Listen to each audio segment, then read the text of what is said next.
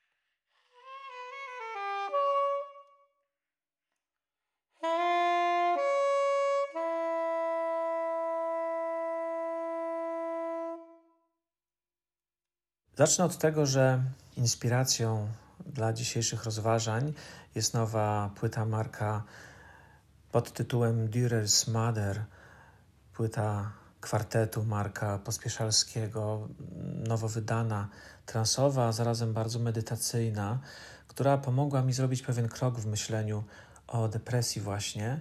Po wysłuchaniu tej płyty coś mi kliknęło, jak to się mówi, coś przeskoczyło. Może właśnie za sprawą Direra, który jest w tytule, w zestawieniu z tą transową muzyką, ale powiem o tym więcej na koniec tych rozważań dzisiejszych. Chciałbym zacząć od tego, czym jest w ogóle depresja, czyli od kluczowego tekstu dla rozumienia depresji, który został napisany przez Zygmunta Freuda w 1900 15 roku ukazał się dwa lata później tekst pod tytułem Żałoba i melancholia. Tekst, w którym Freud praktycznie w ogóle nie używa słowa depresja, posługuje się słowem melancholia. Ja chciałbym odejść od tej konwencji i spróbować inaczej zdefiniować melancholię, ale to też zrobię później. Freud mówi o melancholii, mając na myśli depresję, i co o niej powiada? Powiada, że jest ona czymś podobnym, przypominającym żałobę. Żeby zrozumieć depresję, trzeba więc najpierw zrozumieć żałobę. Żałoba to jest taki stan, w którym mierzymy się z utratą czegoś ważnego, co było integralną częścią naszego życia, istotną, ale przestało nią być. Śmierć, utrata, odejście, zdrada i tego rodzaju doświadczenia, gdy tracimy obiekt, który stanowił dla nas istotny punkt odniesienia. To właśnie utrata ukochanego obiektu stanowi początek żałoby, która jest procesem, w którym w jakiś sposób uwalniamy się od tej utraconej sprawy, rzeczy lub osoby. Żeby dalej żyć, musimy w jakiś sposób wycofać naszą energię życiową, nasze libido z przywiązania do tego obiektu, po to, żeby ta energia życiowa mogła nas poprowadzić dalej, żebyśmy mogli dalej kochać, tworzyć, rozwijać się, pracować itp. Tyle w skrócie żałoba. Czym jest depresja? Depresja też jest stanem mierzenia się z utratą, z tym, że powiada Freud, jest to mierzenie się z utratą obiektu, którego nie potrafimy nazwać. Mówi tak: nie potrafimy jednoznacznie stwierdzić, co właściwie zostało utracone. Depresja to jest taki stan, w którym cierpimy, w którym przeżywamy frustrację, brak, jakieś otępienie, jakiś wewnętrzny ból wywołany utratą czegoś, ale nie do końca wiemy czego. I dlatego proces depresji przeciąga się w nieskończoność. Żałoba, ponieważ jest odżałowywaniem czegoś nazwanego, konkretnego, wiemy czego. Ona trwa przez pewien czas, ale, ale się kończy. Natomiast depresja, ponieważ jest stanem bólu po utracie czegoś niewyrażalnego, nienazwanego, nieuświadamionego do końca przez nas, ona przeciąga się w nieskończoność i jest jakimś totalnym zubożeniem podmiotu, jest jego w pewnym sensie całkowitym przenicowaniem, jest stuporem, jest bólem, który nie pozwala rano wstać z łóżka, jest totalnym odebraniem energii życiowej. Depresja jest dzisiaj chorobą cywilizacyjną. Można to rozważyć filozoficznie. Oczywiście indywidualne powody depresji mogą być bardzo różne, ale jest jeden zasadniczy powód, dla którego depresja dzisiaj to tak naprawdę opis kondycji człowieka współczesnego. Depresja to jest nic innego niż stan naszej cywilizacji, dlatego że cała ta cywilizacja mierzy się z utratą pewnego obiektu, którego nie jest w stanie nazwać. Ten obiekt to jest świat, który umarł.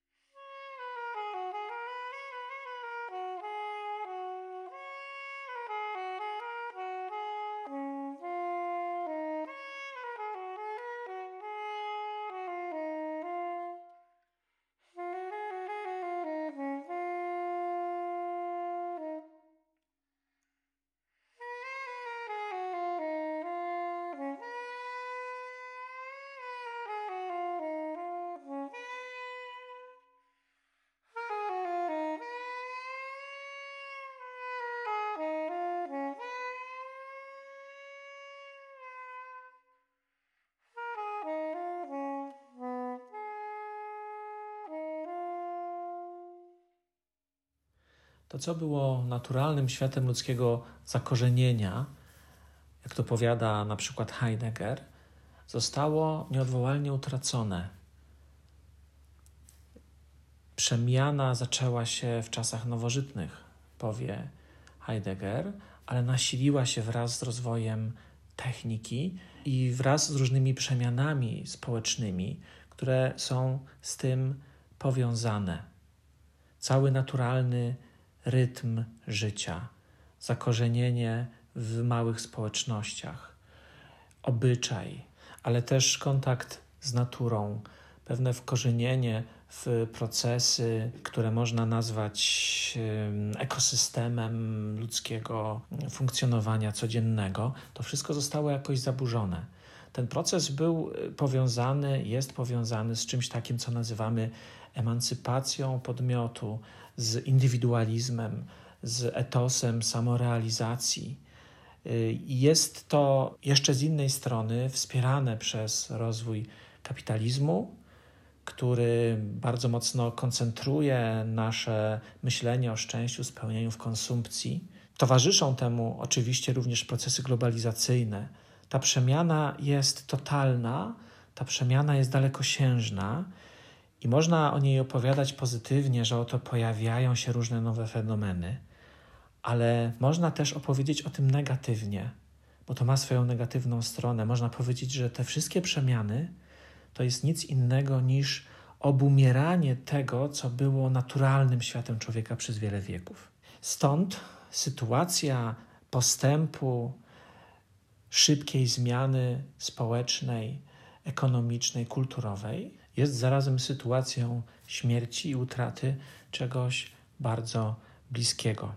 Co więcej, my dzisiaj żyjemy w takich czasach, kiedy widzimy, jak bardzo ten postęp jak bardzo te nowe fenomeny są groźne, jak bardzo wiele problemów stwarzają, jak wiele zagrożeń powodują, jak y, bardzo apokaliptyczne perspektywy zaczynają przed nami rysować w związku z, ze zmianami klimatycznymi, w związku z y, narastającymi procesami wykluczenia y, itd., tak itd. Tak to wszystko sprawia, że dzisiaj jesteśmy społeczeństwem, jesteśmy ludzkością w stanie depresji. Że depresja jest czymś, co nas toczy, dlatego że nasz świat to jest świat rozpadu, upadku, śmierci, tego, co było naturalne. I z tym nie można sobie poradzić w ramach tak zwanej normalnej żałoby. Nie da się przeboleć w jakimś wyobrażalnym okresie czasu tak masywnego, wielkiego obiektu, jakim jest świat jako całość w jego bezpiecznym, wyobrażalnym i skrojonym na naszą miarę kształcie. Takiego obiektu nie da się po prostu odżałować, nie da się go przeboleć. To jest y, obiekt, który my możemy opisać różnymi pojęciami, ale nie da się go objąć naszym uczuciem, wyobraźnią.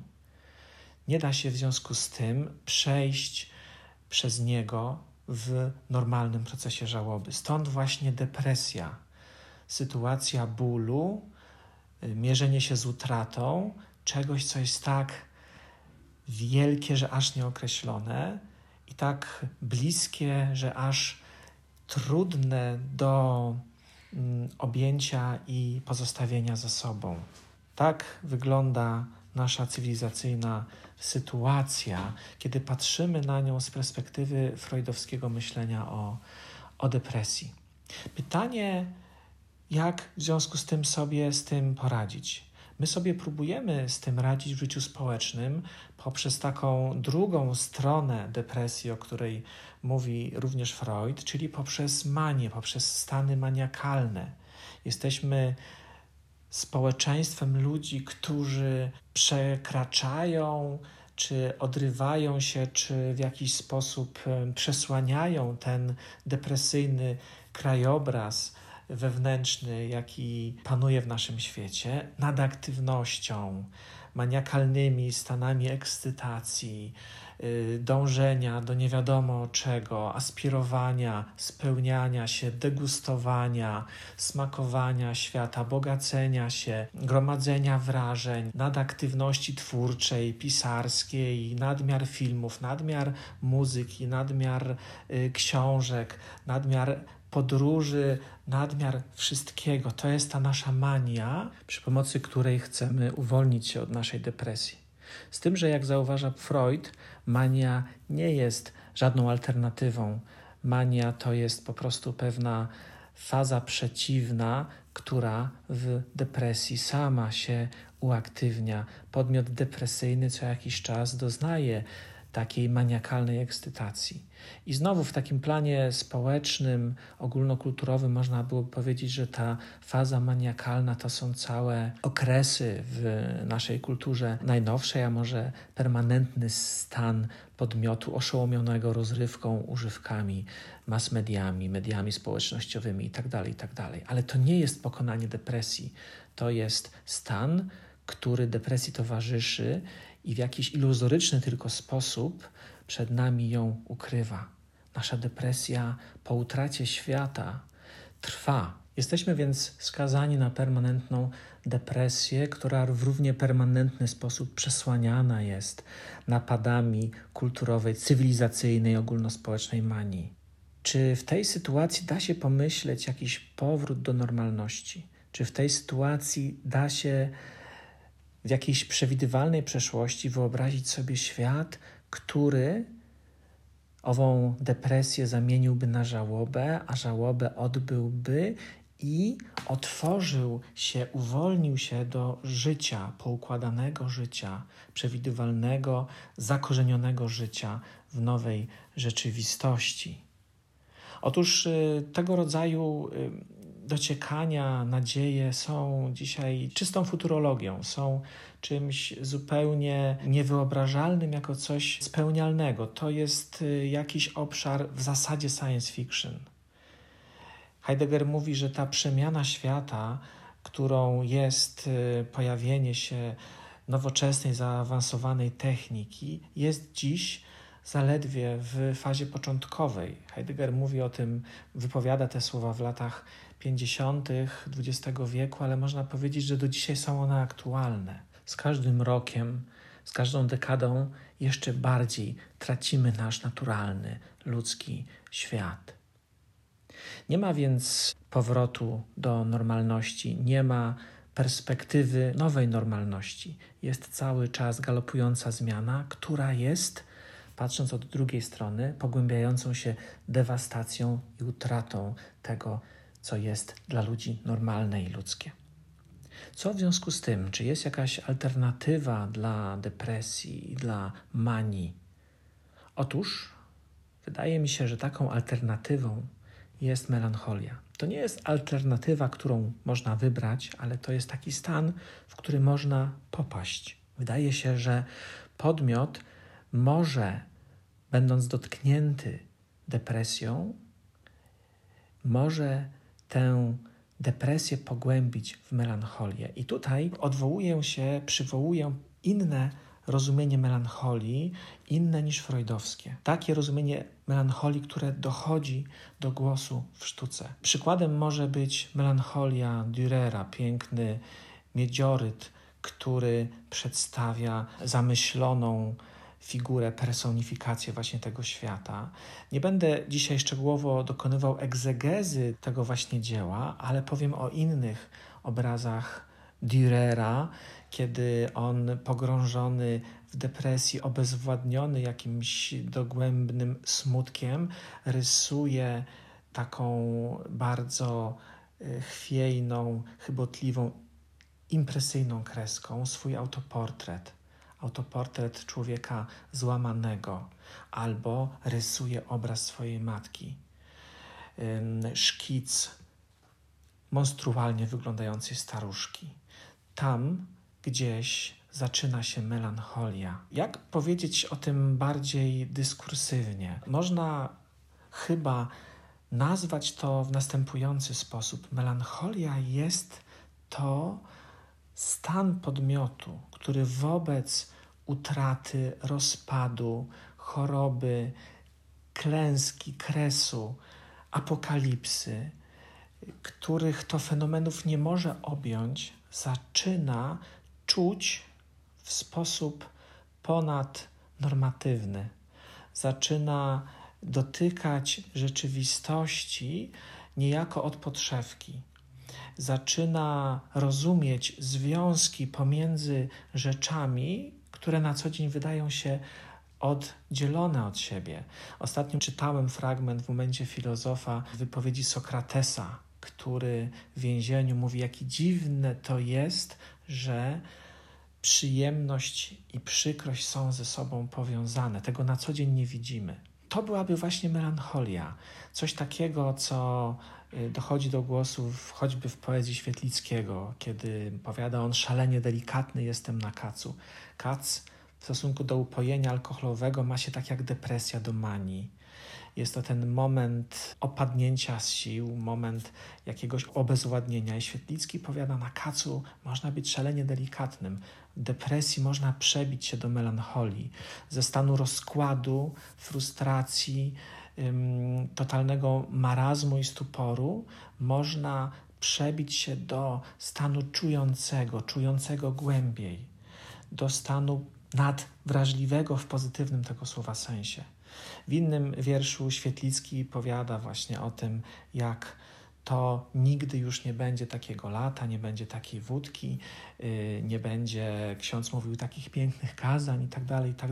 To jest również pewna melancholijna próba poradzenia sobie ze światem, który odchodzi.